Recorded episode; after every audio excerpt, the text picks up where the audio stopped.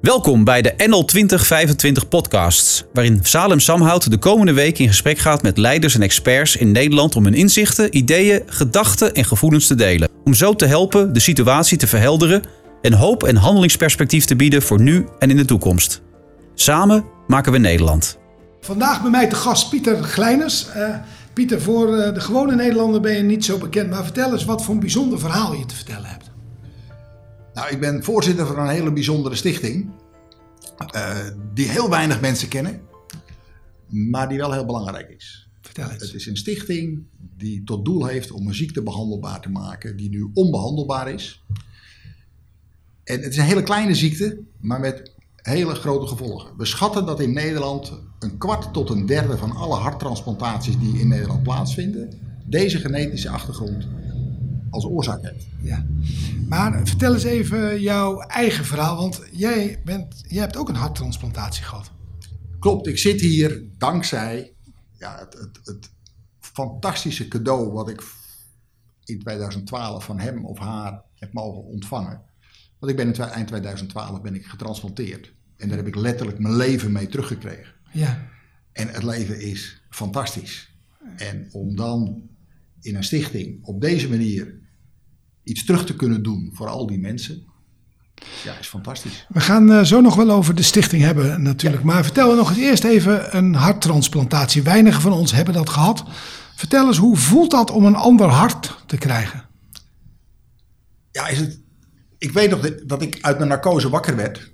En het eerste wat ik me realiseerde van... hé, hey, ik heb weer warme handen en ik heb weer warme voeten. Dus dat is wel heel bijzonder om je dat te realiseren. Um, ja, daarvoor ben je heel ernstig ziek. En ik heb altijd het vertrouwen gehad dat het goed komt. Maar natuurlijk af en toe ben je ook wel even, twijfel je en denk je, oeh, als dit maar goed gaat. Ja. En ik ben ruim zeven jaar heel ernstig ziek geweest. Ik heb een heel aantal hele ernstige ritmestoornissen gehad. En aldoor een geluksvogel geweest dat er mensen in de buurt waren die me of met één konden reanimeren of dat ik apparatuur had die dat voor me deed. En hoe vaak heb je dat gehad?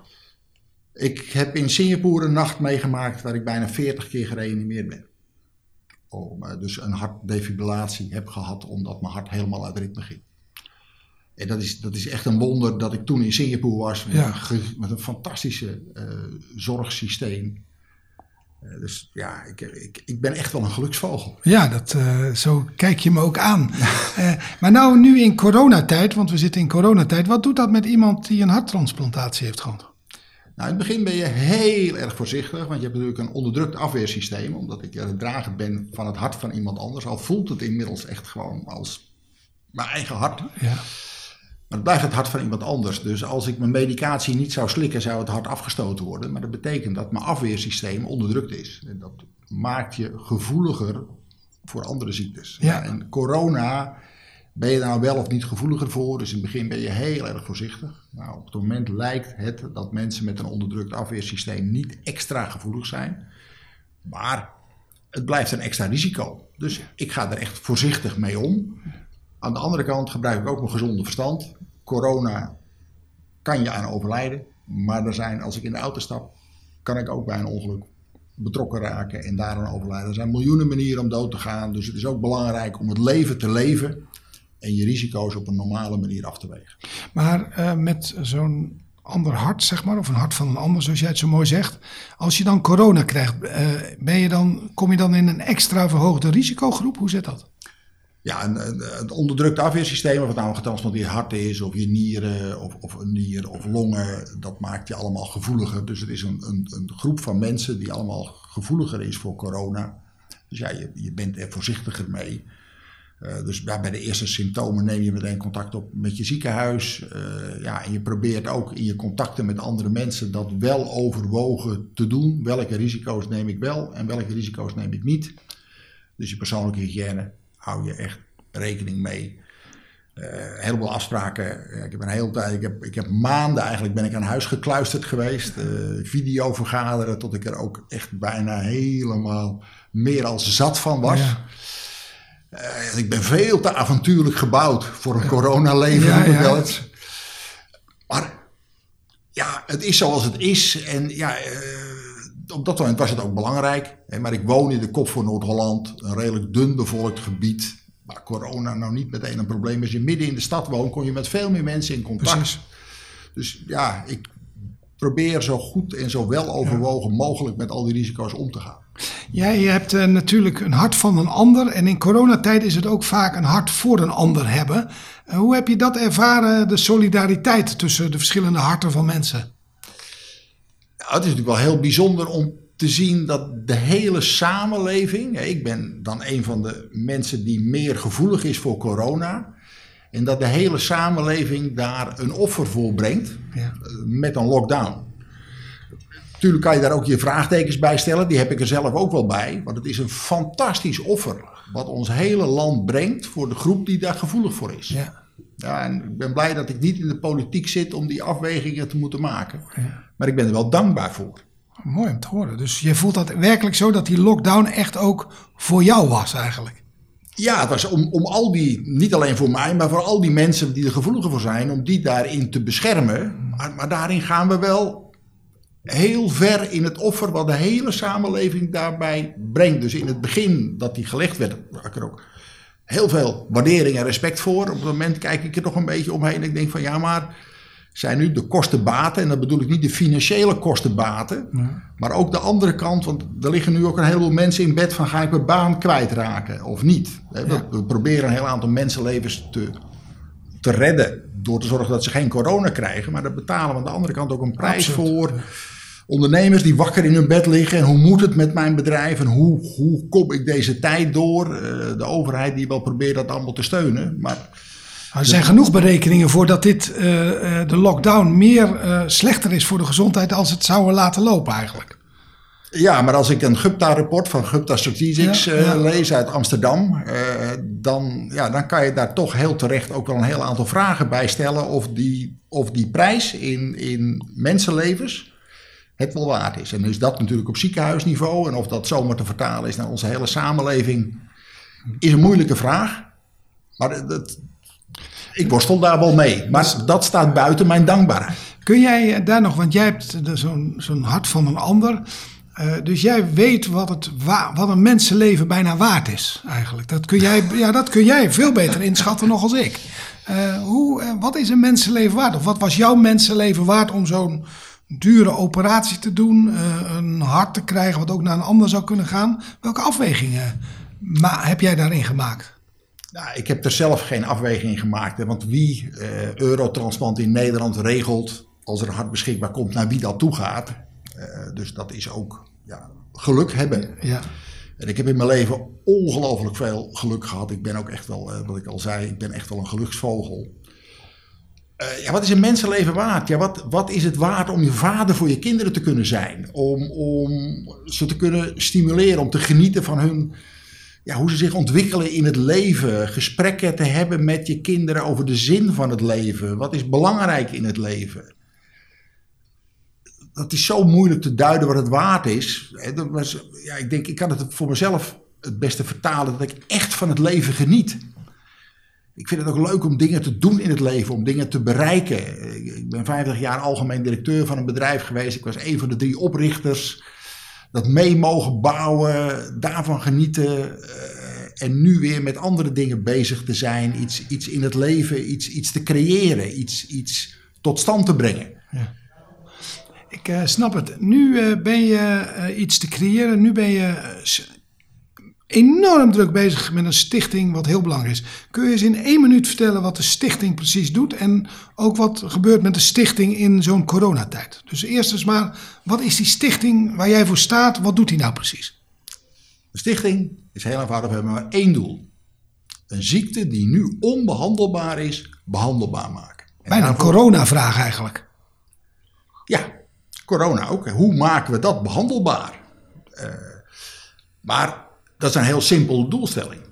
Maar hoe kom je daar is veel en veel eh, complexer. We zijn in 2012 met die stichting begonnen. Hoe heet de stichting? De stichting heet Genetische Hartspierziekte PLN. Ja. En het makkelijkste te onthouden, onthouden aan PLN, Pieter Leonard Nico. En dat is afgeleid van een eiwitje wat fosfolamban heet. En dat eiwitje is actief in het hart van de mens. En door een genetische afwijking mist er één aminozuur in dat eiwit van de 52. En daardoor heeft het opeens een andere functie in het hart. En heeft het opeens een giftige werking in die hartspiercel. Waardoor dat hart, de helft van de mensen wordt er echt ziek wordt, de andere helft niet. We kennen in Nederland ongeveer duizend dragers. Het is een ziekte die in Nederland ontstaan is, ergens in het oosten van Friesland tegen Groningen aan. Dus het is echt ook een Nederlandse ziekte. We vinden hem wel door de wereld, want Nederland is geweldig geweest in het exporteren van dingen. Nou, ook dit hebben we fantastisch geëxporteerd. Dus we vinden hem in Amerika en we vinden hem in Canada, maar ook bijna alle Europese landen en nog heel veel Zuid-Afrika, andere landen. Ehm, maar hoe maak je dan zo'n ziekte opeens, hoe wil je hem dan behandelbaar maken? Nou, dan hebben we als doelstelling gezegd van we halen gewoon de allerbeste onderzoekers ter wereld, gaan we proberen te vinden. Maar omdat het een, een weesziekte is, een orphan disease, wie heeft er nou belangrijk, eh, wie heeft er nou belangstelling voor? Nou, daar hebben we een inventarisatie gemaakt in de wereld wie ermee bezig was. En uiteindelijk hebben we een heel onderzoeksteam in elkaar gezet tussen de drie Nederlandse universitaire ziekenhuizen. Groningen, Amsterdam en Utrecht. En in Amerika in New York, Cincinnati en de Stanford University bij San Francisco. En daar hebben we een team van gesmeed. Daar hebben we later nog wat andere universiteiten aan toegevoegd. Om wetenschappelijk onderzoek te doen om dat behandelbaar te maken. En hoeveel doktoren zijn daar nu mee bezig, of onderzoekers? Er zijn in totaal meer dan 50 medische wetenschappelijke mensen en doktoren zijn er, die zijn er niet allemaal fulltime mee bezig, maar die houden zich daarmee bezig. Als ik dat zo hoor, ben je al jaren mee bezig om een oplossing voor een ziekte te vinden, met all over the world. Hè? En het is nu zo belangrijk, wat kunnen we nou in de corona-zoektocht naar een goed medicijn, wat kunnen we leren van jouw ervaringen bij deze, bij deze ziekte? Wat uh, zou jij die corona-onderzoekers of de landen aanraden om dit zo snel mogelijk boven tafel te krijgen. Want wat zit ons in de weg om snel tot een oplossing te komen? Nou, er komen een aantal dingen bij. Een heleboel medisch wetenschappers, die, hun cv is gebouwd op de artikelen die ze publiceren in vooraanstaande tijdschriften. Dus als ze iets onderzoeksresultaten hebben, dan houden ze die zich voor zich totdat ze die kunnen publiceren in een mooi artikel. Ja. Daarmee gaat een heleboel tijd verloren, want je wil dat die wetenschappers zo snel mogelijk met de resultaten komen. En je ziet nu in coronatijd, bij het behandelbaar maken van corona ook, dat die wetenschappers veel sneller data delen. En dat ook tijdschriften dat veel sneller publiceren. Er gaat een stuk tijd in verloren. Je ziet ook dat het samenwerken tussen medisch wetenschappers, daar is ook nog heel veel aan te verbeteren. Want het zijn toch allemaal heel vaak eilandjes en voor een complexe ziekte. Corona is ook een hele complexe ziekte. Want we begrijpen, daar zitten wereldwijd zitten daar denk ik tienduizenden Medisch wetenschappers zitten daarop. En we hebben het nog steeds niet echt goed in beeld. Dus die complexiteit is enorm. Maar je moet een heel aantal verschillende disciplines hebben van verschillende mensen die je bij elkaar brengt en die je in een team samenbrengt. Net als dat je in een bedrijf een team nodig hebt om een bedrijf goed te laten draaien. Dus al die onderzoekers die zouden eigenlijk als één team moeten functioneren met een totale transparantie in feite ja, met elkaar met één die resultaten delen. Want het ene inzicht kan iemand op een ander, op een ander wetenschapsvlak. Als je iemand in de moleculaire celbiologie hebt, hoe vertaal ik dat nou naar wat er in het menselijk lichaam, niet alleen die cel, maar wat dat verdere effecten in het lichaam zijn? Ja, daar heb je verschillende mensen met verschillende inzichten bij nodig. Dus welk gedrag moet je eraan toevoegen om die hele grote groep van onderzoekers nog beter met elkaar te laten samenspelen? Welk, uh, wat heb je daar nog meer voor nodig? ze bij elkaar brengen. En ja, daar heb je een coronacrisis bij nodig. Want dan opeens ziet iedereen het belang van... hé, hey, maar als we dit opgelost willen hebben... dat kunnen we alleen maar met elkaar. Dan zien mensen het belang ervan. Daarnaast hebben we dit land, maar deze hele wereld... met allerlei ethische commissies ook helemaal dicht geregeld... Voordat je iets mag onderzoeken, moet het eerst door tal van commissies heen. En dat zit ons bij onze stichting ook vaak ja. in de weg. En wij, ja, eh, nou, misschien daar nog eh, wel op doorgaan, want dat hoor je ook heel veel. Uh, nu gaat alle energie naar corona, alle onderzoekers gaan zich erop richten, de hele wereld gaat zich, al het geld gaat daar uh, naartoe. Wat betekent dat voor jouw stichting en het onderzoek op jouw domein? Ja, het hele corona-lockdown kost ons onderzoek drie tot vier maanden, misschien wel vijf maanden, vertraging. Jeetje omdat alle medisch wetenschappelijke laboratoria wereldwijd zijn allemaal gesloten geweest voor een lange periode en starten nu pas weer op. In het begin konden die wetenschappers nog wel een tijdje doorgaan met het analyseren van data die ze uit een onderzoek hadden. Maar uiteindelijk moet je terug naar je lab. Ja. En als die labs dicht zijn. En dus in onze rekensom van corona. Ja, wat is de gevolgen van ons hele wereldwijde medische wetenschappelijk onderzoek. wat je drie tot vier, vijf maanden lang stil ligt? Dat heeft ook gevolgen. En ook waarschijnlijk dat er minder geld uh, naartoe gaat. Dus je zou misschien wel 1, 2, 3 jaar achterstand oplopen voor jouw koers. Voor ons kost het een heleboel extra geld, want die wetenschappers hebben al die tijd stilgestaan. Die salarissen moeten wel doorbetaald worden, die laboratoria staan er, al die kosten zijn er. Dus voor onze stichting brengt het een heleboel extra kosten mee die geen resultaten hebben. Ja. Hoe kun je, want dat, dat snap ik, dat dat veel meer tijd. Wat zou je kunnen doen om toch nog te versnellen? Want je kunt achterover, nou niet achterover, maar gefrustreerd zijn. Alle aandacht gaat naar corona, al het geld gaat naar corona, die laboratoria zitten. Wat zou jij nog kunnen doen om toch jouw, jouw zaak nog te doen versnellen nu? Nou, het mooie van een patiëntenstichting zoals wij zijn, is dat je een enorme motivatie naar elkaar bent. Voor wetenschappers die meestal gewend zijn om in een laboratorium te zitten en aan iets te werken zonder dat ze begrijpen waar het voor is. Ze nu die patiënten te laten zien waar het om gaat. Als ik ze mijn verhaal vertel, dat ik zeven jaar ernstig ziek ben geweest en dat ik een heel aantal keren dacht van joh, ik ga morgen niet halen. En dat je dan met geluk het toch haalt. Maar ook een heel aantal mensen zijn die het niet halen. Zien hun het belang van het onderzoek.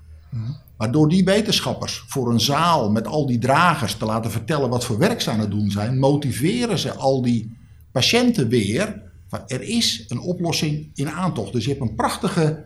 En doe je dat meer nu via Zoom, dat je ze toch gewoon die patiënten en die onderzoekers nog dichter bij elkaar brengt via de nieuwe digitale technologie die nu zo in zwang zijn? Daar zie je een voordeel van de coronacrisis. Hè? Want het, het digitale, het videovergaderen. Uh, anders vloog ik twee, drie keer, vier keer per jaar naar de VS toe. Om daar ook met al die wetenschappers te overleggen. Ja, nu via Zoom ja, is dat toch veel frequenter geworden. Uh, en hebben we ook wel een aantal dingen kunnen versnellen. Mooi. Alleen dat, dat, dat bij elkaar zijn. Hè, want die, die, het is een super efficiënte vergadering, die Zoom-vergadering. Ja, maar ze effectief zijn. Ja. eromheen, de, ik mis daarin de, de inspiratie. Als ja. ik met iemand even s'avonds nog uit eten ga, of, of gewoon even een kopje koffie. Het andere, gewoon even over iemand zijn privéleven praten. Dan kom je vaak weer op andere onderwerpen waarmee je mensen ook weer over en weer, waar je elkaar stimuleert en inspireert. Ik merk wel dat als ik een Zoom-vergadering heb en ik plan dat, het zijn mensen die ik goed ken, en ik plan dat wat later op de avond, en ik zet een paar kaasblokjes en een glaasje wijn in Mooi, beeld van mijn camera, ja. dan ik opeens een heel andere vergadering heb. Dus Mooi, ik kan er ook wel weer wat mee spelen ja. om, om, om, om toch die sfeerverandering uh, te nou, brengen. Ik hoor nu van veel mensen dat uh, iedereen zegt het is efficiënter geworden, maar creativiteit en effectiviteit gaat omlaag. En daar moet je vormen voor vinden, ook in, met deze digitale uh, ja. Ja, middelen, om dat toch nog te doen. Laatste vraag die ik naar jou heb, Pieter. Jij bent geconfronteerd in je leven met tegenslag. Uh, dat je heel ernstig ziek was. Zelfs dat je een nieuw hart moest krijgen. Denk enorm spannend om dat te ondergaan. De stappen naartoe, dan krijgen, dan weer het nieuwe leven inbrengen. Dus normaal gesproken ben jij een resilient man. Je kunt je aanpassen. Welke tips heb jij nu voor mensen die nu echt in moeilijke omstandigheden komen door, door deze coronatijd, door de economische crisis? Welke levenslessen zou jij aan mensen willen meegeven die nu in problemen komen? Concentreer je vooral op wat belangrijk is en blijf bij de feiten. Wees voorzichtig met emotie. Laat je niet zomaar meenemen in emotie. Blijf, uh, ja, als, als, wat zijn nou precies de feiten, de hele coronadiscussie. Ja, hoeveel mensen gaan er nu effectief echt aan dood? Uh, vanochtend was er op het nieuws, dus wel 7, 8 miljoen mensen op de wereld hadden corona gehad. Ja, dat is een enorm getal, maar het is wel 1 op de duizend van onze wereldburgers. Ja. Dus ja, hoe groot is nou het risico? En als je je zorgen maakt, is het wel de moeite waard om je daar zorgen over te maken. Wat is je worst case scenario? Al kan het je 1000 euro kosten en je hebt er 100.000 op de bank, zou ik me niet te lang zorgen over maken. Ja. Maar als het een risico is als ondernemer, wat je een miljoen kan kosten en je hebt er 100.000 euro op de bank staat, ja, dan zou het misschien een slapeloze nacht wel waard zijn.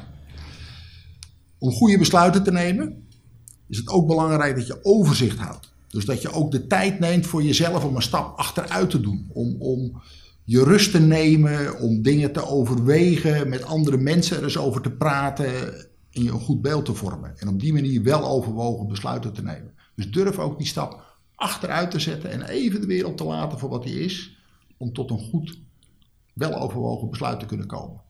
En je zegt ook de emotionaliteit een beetje laten varen. Eh, dat is nog niet zo makkelijk. Dat zou toen jij in je hart uh, situatie zat was, had je waarschijnlijk dieper emoties of je partner had emotie. Hoe, uh... Het is een heel emotioneel proces voor je hele gezin, voor, voor de kinderen. En dat hoort er ook gewoon echt bij. Mm En is ook mooi. Maar ik bedoel meer het, het, het, voorzichtig zijn met emoties als je hele belangrijke beslissingen neemt in je leven of in je bedrijf daar moet je wel voorzichtig zijn met die emotionele factor. Ja. Dan is het toch wel belangrijk om je ratio goed op orde te hebben. Uh, als het medisch is, vraag een tweede mening. En maak dan pas je afweging en laat niet aan de hand van één mening ja, je hele leven, hè, als je een hartprobleem hebt en je moet een keuze maken in je verdere carrière, dan is dat iets wat je rest van je leven betreft. Vraag dan nog een keer een andere cardioloog om zijn mening, hoe hij hier naar kijkt, voordat je daar een besluit over neemt.